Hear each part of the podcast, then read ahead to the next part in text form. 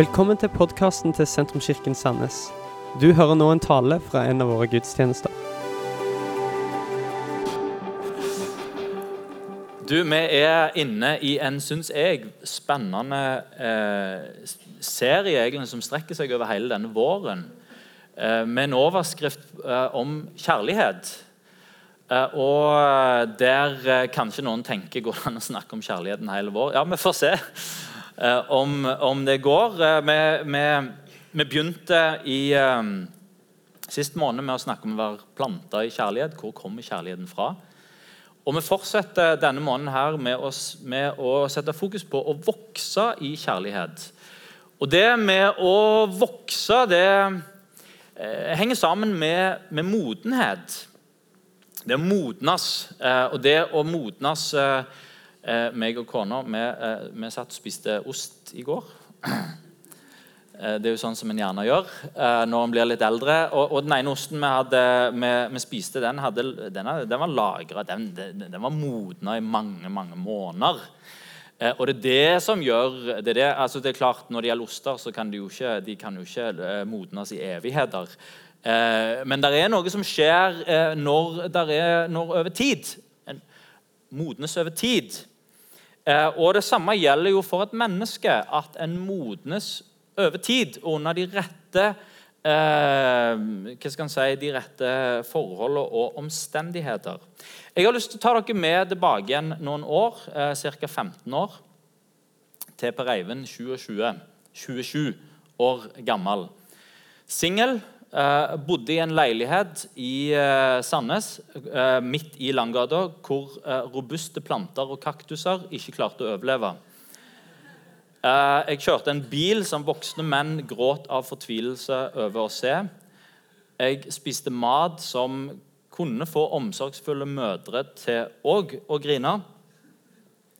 Jeg hadde et utdannelsesvalg, eller manglende valg om utdannelse og studere, som ville være i stand til å bekymre enhver fornuftig forelder.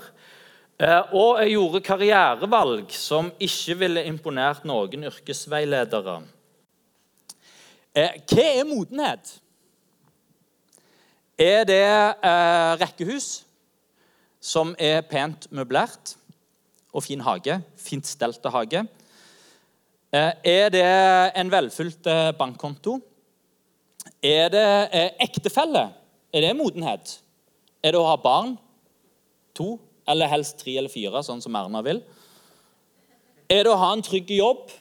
Er modenhet å ha et godt kosthold og trene? Eh, hvis vi er ærlige med oss sjøl, så tror jeg at bildet som vi, eh, som vi skaper oss i hodet av et modent menneske, ikke først og fremst tenker på den single 27-åringen Nå sier ikke jeg at jeg var veldig moden, da, men det, det er bare for uh, å dra fram et eksempel. Eh, som bor i en leilighet der, plak, uh, der, planter og kaktuser ikke klarte å overleve, osv. osv. Eller er det den som har alt på stell, og som har eh, flytta inn i et pent møblert hjem?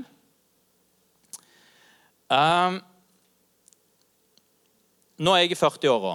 Jeg bor i et fint hus der det meste er på stell. Jeg har gifta meg. Jeg har to barn. Eh, jeg har det meste av Jeg har tatt min utdannelse. Eh, ting ser ikke så gale ut. Eh, jeg kjører fortsatt ikke fin bil, og det kommer jeg nok ikke til å gjøre på noen år ennå heller. Eh, hvis det er noen som er bekymra over at eh, det, det, Å, stakkars, eh, stakkars, han der Den der Kvam-familien ser på bilen som de kjører. Det, det trenger ikke være bekymra. Det er et valg. Så, men det er siste skanse. Den faller nok den òg etter hvert som døtrene blir eldre og tvinger gjennom penere bil fordi de er flaue for venninnene. Men mitt spørsmål er hva gjør et menneske modent? Er det disse som, disse statussymbolene som vi så fort ser på? Er det det som gjør at et menneske er modent? Hvem ser du på som modne mennesker rundt deg? Er det de som har et uh, veldig stort hus? Som har en veldig fin Jeg vet at dette er banalt, men jeg har lyst til å utfordre tanken vår på dette, for jeg tror at vi ofte går der ganske fort. Er det de som har en veldig fin utdannelse eller en veldig fin jobb? De som har et veldig fint hjem? De som en veldig, kjører en veldig fin bil. Er det ekstra Eller kanskje er ekstra berømte. Noen ganger så tenker vi bare fordi vi har lest om noen i avisa det er sikkert modne, eh, ansvarsbevisste, flinke mennesker. Bare fordi de er kjent. De er, eller kanskje ekstra vakre. Hvor rart er ikke det? At et menneskets utseende kan vi fort ta for modenhet og for eh, Jeg har hørt livsvisdom som jeg ønsker å bygge livet mitt på, fra steder uten utdannelse. Jeg har hørt det fra steder med utdannelse òg, altså, men jeg har hørt det òg fra steder uten utdannelse. Jeg har hørt det fra et sted av dårlig økonomi. Jeg har hørt det fra boliger med dårlig standard. Jeg har hørt fra mennesker som ikke engang eier bil. Eh, og jeg tenker at I Norge så kan livet vårt fort bli et løp, et sånn, et sånn eh, et, et race mot denne middelklassehimmelen som vi ser på som her, dette er det modne, dette er det som vi, eh, som vi skal opp på. Vi, eh, og, eh, og, jeg eh, sier ikke eh, Og dette er ikke sånn Nei, skal, en skal ikke ta utdannelse. Jo, det, ta utdannelse. Eh, og, og, og, ikke ha penger. Jo, selvsagt. Vi lever i et pengesamfunn der penger er viktig. og det er, det er, det er bra å ha alt dette på plass, men la oss ikke gjøre feilen og tenke at det, det er dette som er modenhet. Det er dette som gjør et modent menneske. Du må ikke engang gifte deg og få barn for å bli et modent menneske. Du kan få lov til å vokse, og du kan få lov til å bli et modent menneske uavhengig av disse tingene. Og så kan en få, ta, få, få det òg på plass. Og Da har jeg lyst å ta oss med til Filipperne 1, 3-11.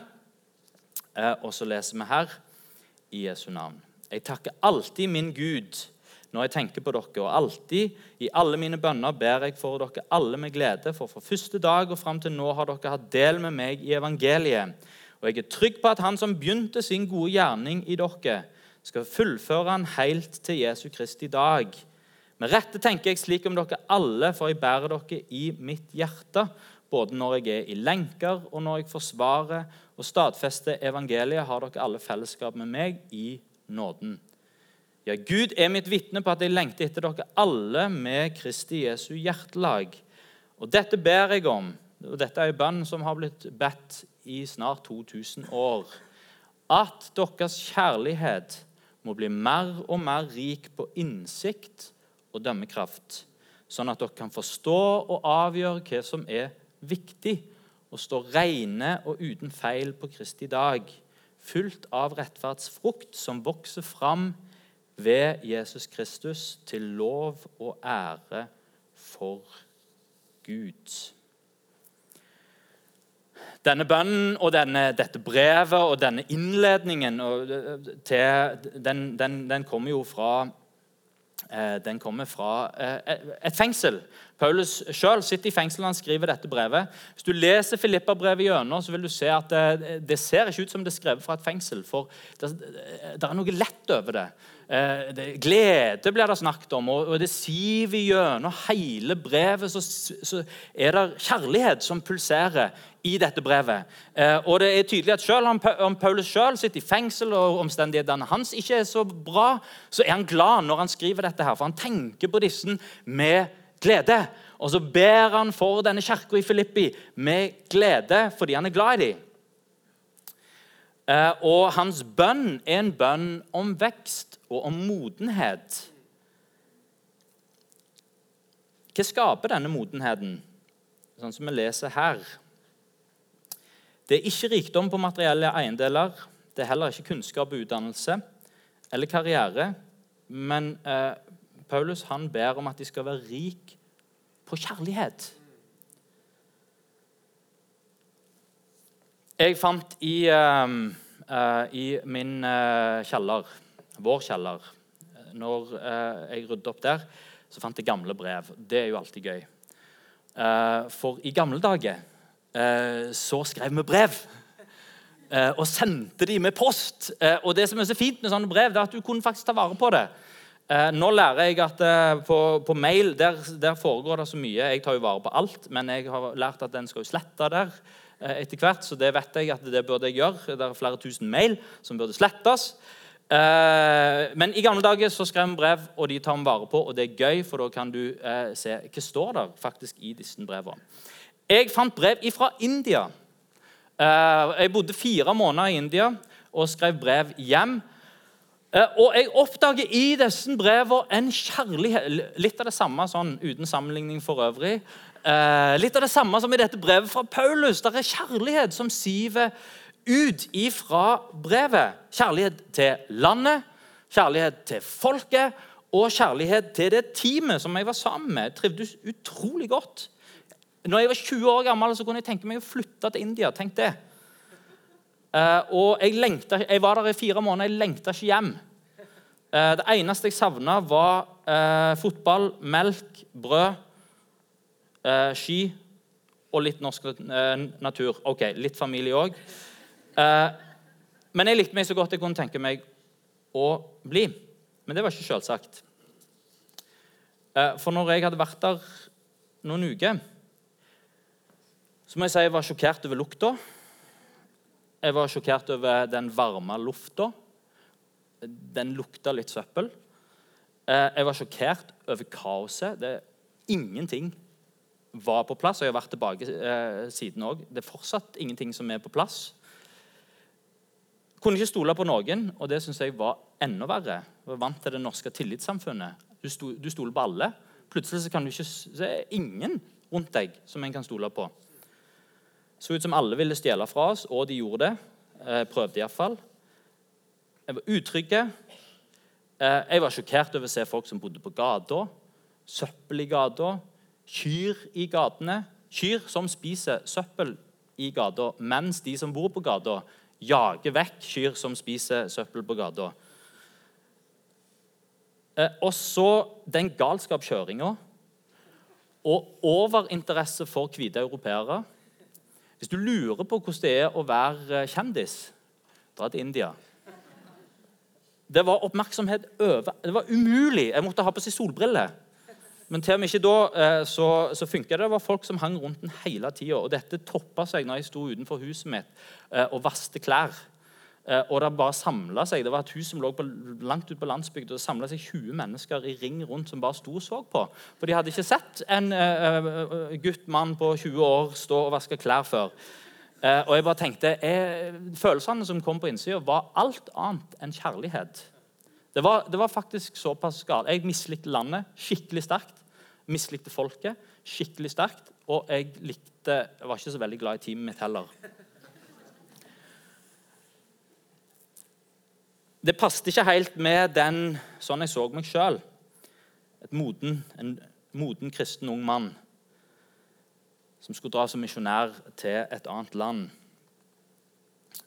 Jeg bestemte meg for og ta dette opp i bønn og gjøre det til mitt daglige bønneemne. Gud, gi meg kjærlighet til dette landet. Gi meg kjærlighet til dette folket, og gi meg kjærlighet til teamet. Og vet du hva? Jeg fikk bønnesvar. Og kanskje en av de eh, kanskje, kanskje, den viktigste, ikke vet jeg, en viktig lærdom, og som vi òg ser fra Filippa-brevet her Paulus han gjør sin bønn for de som han er glad i. Bønn og kjærlighet de henger sammen. Kanskje fordi at kjærlighet det begynner med Gud. Eh, og, og, det å være glad i noen, det er kobla sammen med det å be for det mennesket eller de menneskene. Eh, og noen, eh, noen, som ikke tror på Gud, En del som ikke tror på Gud, de snakker nedsettende om bønn. Sier ja, men hvis du ber, kan du ikke gjøre noe heller? Hva er godt? Gjør vel bønn. Når det har skjedd en en eller annen katastrofe, eller hva det skal, og en, en, en vil be for den byen og en vil be for de folka. Ja, men gjør noe heller. Jeg vil si, Hvis en vil gjøre noe, så la oss begynne med å be. For det skjer noe med hjertene våre når vi ber. Vi kobler på Gud. Kjærlige Gud, sang vi her. Vi kobler vår, hva skal jeg si, Det som vi vil gjøre, kobler vi på Han som er kjærlighet. Og da skjer det noe i hjertene våre. Han gir av sin kjærlighet til oss. Og Det står her i denne teksten han som begynte en god gjerning i dere, han skal fullføre den. Og, når en snakker om kjærlighet, så handler det ikke først og fremst om hva jeg klarer å gjøre, hva jeg klarer å få til, men å la Han som har begynt en god gjerning i meg, la Han få lov til å fullføre den. Så gjør eh, de folka som en er glad i, gjør det til en del av hverdagen å be. Og er det noen som en ikke er glad i, ja, men så begynn med å be.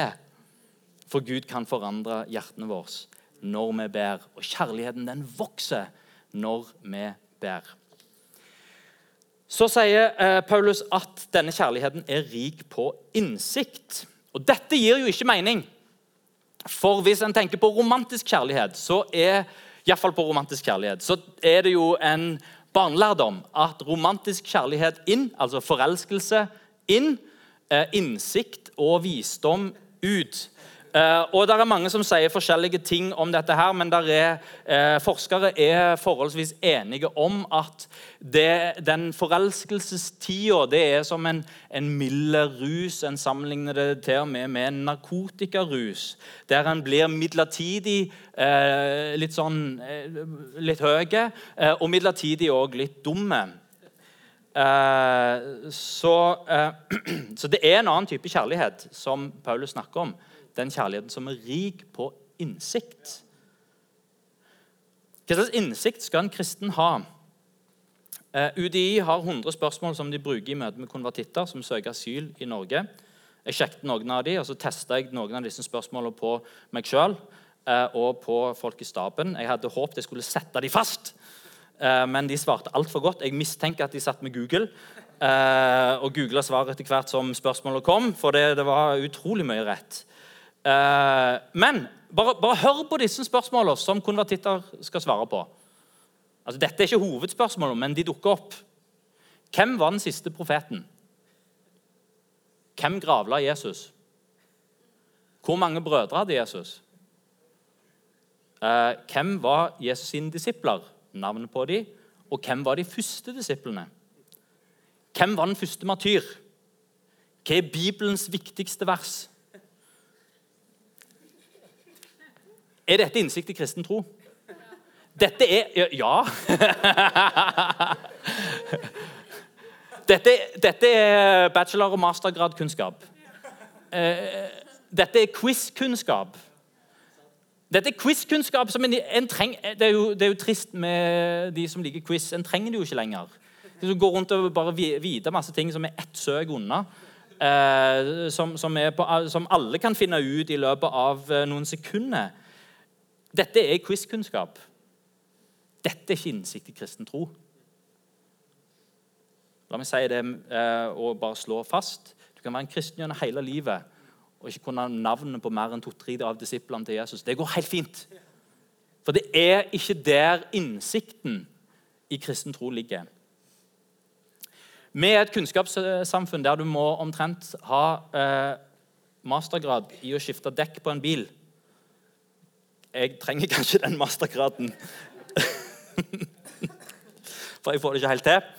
Eh, men i et sånt kunnskapssamfunn så eh, må vi ikke blande med at det å være en troende, det å være en kristen, det å ha kunnskap Kunnskapen, sier Bibelen, den blåser opp. Uh, mens det er, det er kjærligheten som en skal vokse i, og modnes i. Så en kjærlighet som er rik på innsikt, det er det som er bakgrunnen for denne serien. Eh, og da trenger vi en innsikt i hvordan kjærligheten fungerer. Vi trenger innsikt i hva kjærligheten er, og hva den ikke er. Vi trenger innsikt i hvordan vi kan vise kjærlighet til hverandre hvordan folk opplever seg elska, og forstå hvordan folk opplever seg elska, og kunne respondere på det. En trenger innsikt i kjærligheten som kommer ifra Gud, og hvordan det påvirker livet mitt. En trenger forstå at hele Bibelen er et kjærlighetsbrev, og at innsikt i kjærlighet handler om innsikt i Bibelen og innsikt og forståelse i evangeliet. Forståelse for hva Gud har gjort for oss. At alt det som den som tror, gjør, det begynner med hva Gud har gjort for oss. Det handler ikke om hva jeg skal gjøre, men hva han har gjort. Og så kan jeg leve i respons på det. Og Det handler om en innsikt på hvordan en behandler andre mennesker. La meg dele tre enkle innsikter som, eh, som har, har, har, dukket opp for min del de siste åra.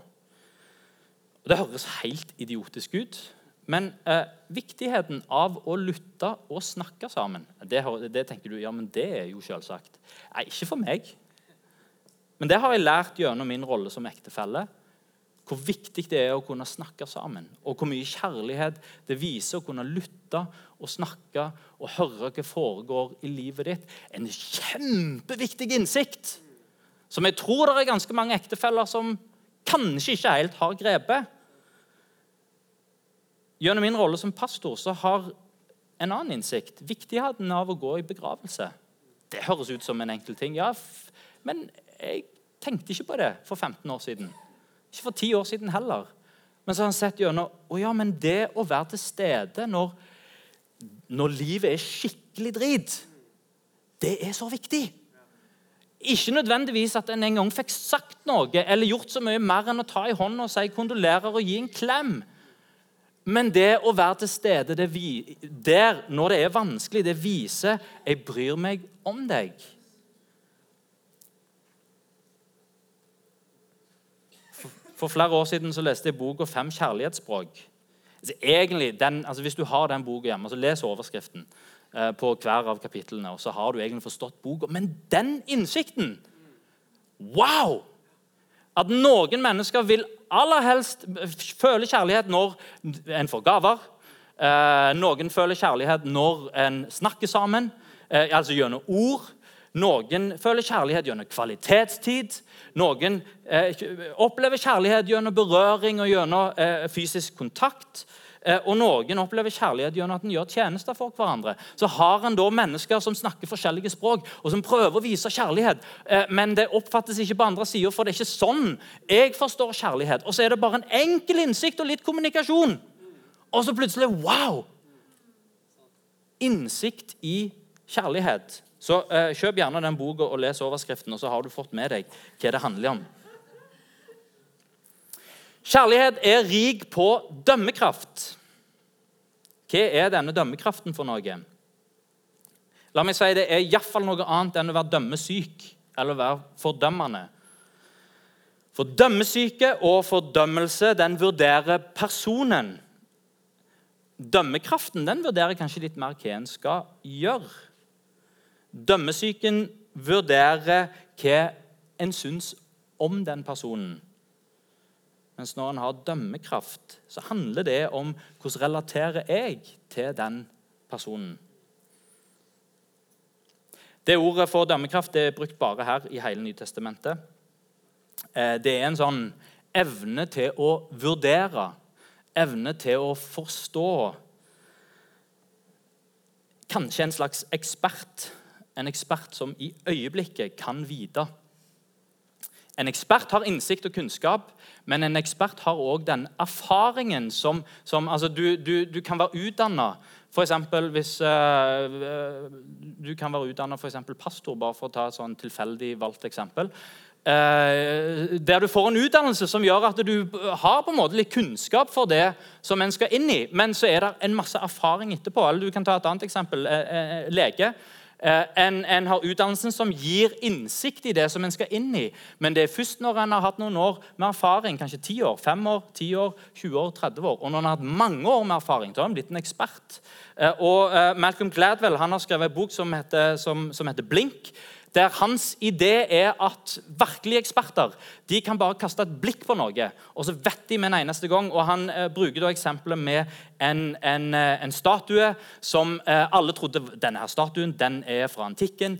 og den er, eh, den, er, den, er, den er, ikke en forfalskning, den er ekte. Så fikk de denne eksperten til å komme og se på statuen. Eh, og Det var mange som hadde sett på han. Jo, jo, jo den, den, er ingen forfalskning. Så kommer denne eksperten, kaster ett blikk på han, og så sier han den er falsk.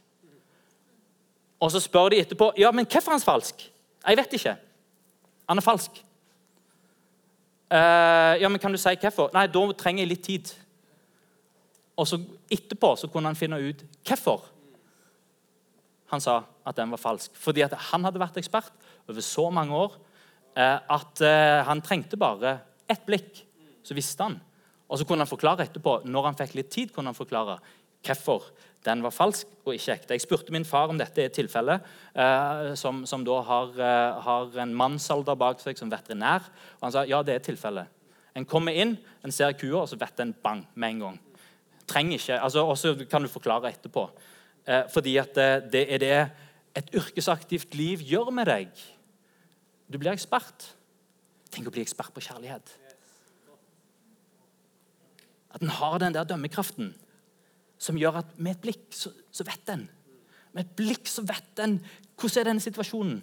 Hva skal jeg gjøre nå? Hvordan skal jeg behandle det mennesket? Hva skal jeg si for noen ting? Fordi en har sagt noe en annen gang, og det ble feil. Og så har han sagt noe en annen gang, så ble det feil der òg. Og så har han sagt noe en tredje gang, så ble det rett. Og så har en disse erfaringene med seg, og så blir en ekspert på kjærlighet. Hvordan blir vi eksperter? Og hør her, der, der, er, der er noen enkle sannheter her. Og jeg håper ikke du syns jeg er for enkel. Eh, men ekspert blir du gjennom trofasthet. Min far hadde aldri blitt en ekspert eh, veterinær. Eh, og han er ikke en sånn ekspert veterinær, han er bare flink i jobben sin. Eh, hvis han først var veterinær noen år, og så hoppet han over til å bli lege, og så fant han ut at det var ikke så gøy å jobbe med folk, og så hoppet han over til å bli noe helt annet, eh, og så ble han en tredje ting og en fjerde ting, eh, og så gikk han gjennom livet som en sånn all, eh, hva er dette for noe, som en sånn eh, allrounder som kan litt av alt. Eh, han er blitt ekspert fordi han har holdt seg på samme plassen. Og akkurat nå om dagen så kappes alle mediene i Norge om å få enhver sak, uansett hva det, bare det handler om fotball, det handler om Ole Gunnar Solskjær, sånn de kan skrive Ole Gunnar Solskjær på toppen og så da leser folk. Eh, det gjør jeg òg nå. Bare se på Ole Gunnar Solskjær. Altså, hvorfor eh, Hvorfor er han eh, trener i Manchester United akkurat nå? Det er en annen som gjorde en veldig dårlig jobb før han. Jeg vil påstå at det er hundrevis av trenere som er bedre enn Ole Gunnar Solskjær. Jeg, eller bedre. Han er i en klasse trenere som det fins hundrevis av i verden. Eh, det fins til og med flere i Norge. Eh, allikevel så ser det ut til at han er best mann for den jobben som skal gjøres i MU. Eh, for, de ikke, eh, for, de som ikke, har fått dette med seg, så har han altså tatt over eh, trenerjobben for en av verdens største fotballklubber. Hvorfor kan han gjøre det? Jo, for når han spilte på Manchester United selv og, og skårte en masse mål og begynte å bli interessante for andre klubber, og havna på benken i klubben sin i, eh, i, eh, i United eh, Hva gjorde Ole Gunnar Solskjær da? Så lukta han på muligheten for å dra til andre klubber? Nei, det gjorde han ikke. Han sa jeg vil heller sitte her på benken i klubben som jeg elsker. Også når han ble benka, og det ble han mange ganger, istedenfor å sitte på benken og være sur, så bestemte han seg for å lære. Så han satt og så på manageren. Hva gjør du nå? Og fulgte med på spillet. Og Han ble jo en bedre innbytter enn han, en, altså han var bedre som innbytter enn han starta, for han satt og fulgte med og visste hva han skulle gjøre når han kom utpå, og var klar. Og nå så kan han bare trø inn i klubben som han elsker, og som han kjenner fra A til Å, og han kan lære og han har allerede lært av den manageren som de i alle år har sett opp til, fordi han hadde trofasthet. Relasjoner over tid gir oss dømmekraft. Det gjelder særlig familielivet. Gjør alt du kan for å beholde familierelasjoner. Og Det samme gjelder kirkefellesskap. Det gjelder skolekretsen din, nabolag, arbeidsplass, venner i ordspråkene så står det 'hold fast ved din venn og din fars venn'. Den kjærligheten som er rik på innsikt, er den kjærligheten som har blitt stående, og som har holdt ut, og som lærer noe i enhver relasjon. Relasjoner over tid gir oss alltid mulighet til å lære noe om andre mennesker. Lære hvordan en gjør andre mennesker glad, en lærer hvordan andre mennesker reagerer i ulike situasjoner. En lærer seg å vurdere ulike situasjoner òg. En lærer seg hvordan en skal respondere, og en lærer seg å finne ut av ting. En lærer seg kommunikasjon, en lærer seg konflikthåndtering. Og hvordan å kommunisere i ulike situasjoner. Det gir innsikt, og det gir dømmekraft. Og den siste tingen her, og da kan bandet eh, komme opp og gjøre seg klar handler om en kjærlighet som er rik på forståelse og gode prioriteringer.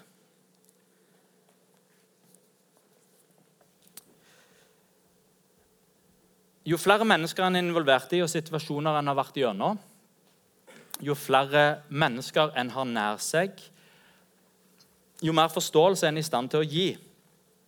Den som lever et isolert liv med seg sjøl i sentrum, eller med flyktige relasjoner, eh, kan ha en tendens til kanskje trekke seg unna når det blir vanskelig. Og så lærer en ikke noe. Eh, kjærligheten den ber Paulus om skal være rik på forståelse og gode prioriteringer.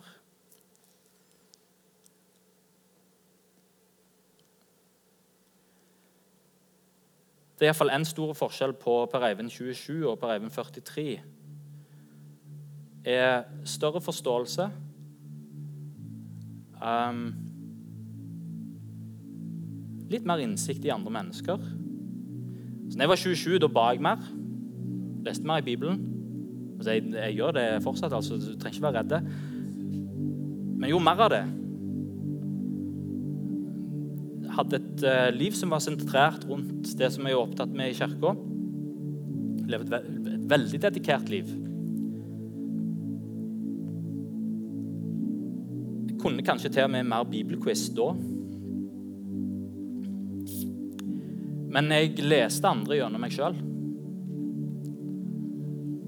modenhet handler om å ikke bare lese andre gjennom seg sjøl. Være rik på forståelse og kunne prioritere rett. Vite hva en skal gjøre. Kjærligheten er i stand til å ta, flere, ta hensyn til flere enn til seg sjøl. Richard Hayes, en teolog, har gått gjennom eh, hele Nytestamentet og prøver å finne den, for å prøve å finne den moralske visjonen for Nytestamentet. Det som eh, alle forfatterne av Nytestamentet har felles som en moralsk visjon. Han oppsummerer det i tre ting. At når vi trenger å ta valg og gjøre prioriteringer altså, altså det å gjøre de rette prioriteringene så ser vi valget og speiler valget gjennom korset gjennom det som Jesus gjorde på korset for oss. Hans sjøloppofrende kjærlighet. Sånn som Jesus ga sitt liv for meg, hvordan kan jeg være med og gi mitt liv for mennesker rundt oss? Han fortsetter med å si en speiler sine valg og sine prioriteringer gjennom fellesskapet. Hvilken, hva slags eh, innflytelse har mine valg på de rundt meg? Tenk så mange be, mye bedre valg vi hadde tatt hvis bare den var på plass. At en tenker ikke bare på sine egne følelser og hva som er rett for meg akkurat nå. Og hva som føles rett, men hvordan får dette konsekvenser for de rundt meg? Og en speiler sine valg og prioriteringer mot den nye skapningen. Den nye skapningen som Gud har, eh, det nye livet som Gud har lagt på innsida, og den nye verden som Gud skal bygge, hans rike. Den modne kjærligheten den stopper opp og tenker. Den er ikke følelsesstyrte. Den spør hvordan kan jeg være til tjeneste for andre. Hvordan kan mitt liv bety noe for fellesskapet? Og hvordan kan jeg være med å gjenspeile det nye livet som Gud har gitt meg?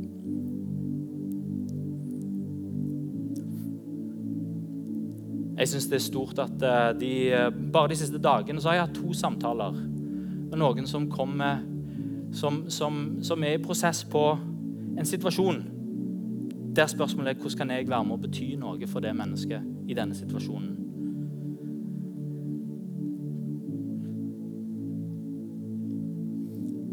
Tenk hvis det kan være resultatet av denne serien vi har i kirka. At vi planter i kjærlighet.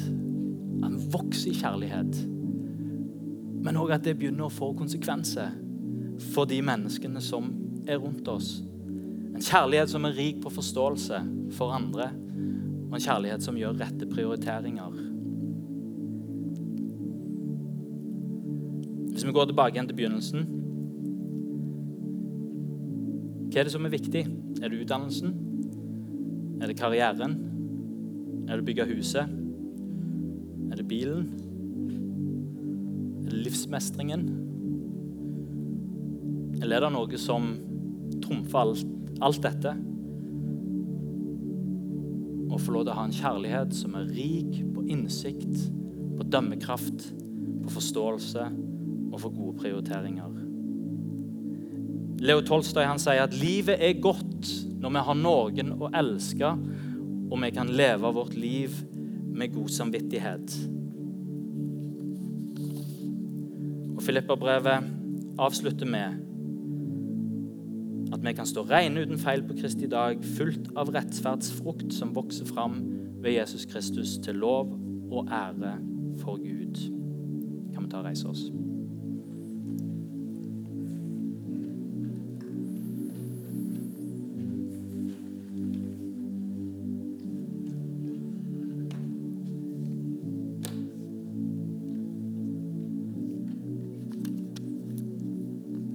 Lukke øynene våre? Så jeg har lyst til å be denne Paulus i bønn for oss alle sammen. Dette ber jeg om.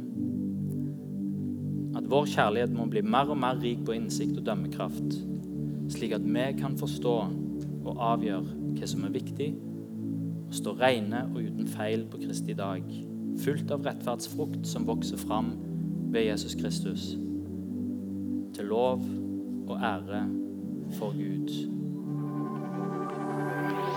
Dette var slutten på denne talen. Håper du har blitt inspirert. Om du har lyst til å vite mer om hvem vi er, eller hva vi gjør, eller har lyst til å høre flere podkaster, så kan du besøke vår nettside sentrums.no.